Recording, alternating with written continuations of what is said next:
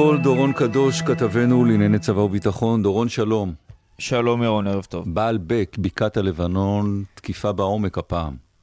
נכון, ותראה, זה מתחיל קודם כל כשחיזבאללה מצליח להפיל בפעם הראשונה מתחילת המלחמה כלי טיס בלתי מאויש של חיל האוויר מסוג זיק. הכלי מופל בהצלחה, ובעקבות זאת אה, חיל האוויר יוצא לתקיפה חריגה לא פרופורציונלית בשטח לבנון אה, בעומק של 100 קילומטר מהגבול עם ישראל באזור בעל בקרון שנמצאת באזור הבקעה, אזור בקעת הלבנון, אזור שבו ישראל לא תקפה מאז מלחמת לבנון השנייה ב-2006. מה שתוקפים שם זה אה, מתחמים ששימשו את מערך ההגנה האווירית של חיזבאללה.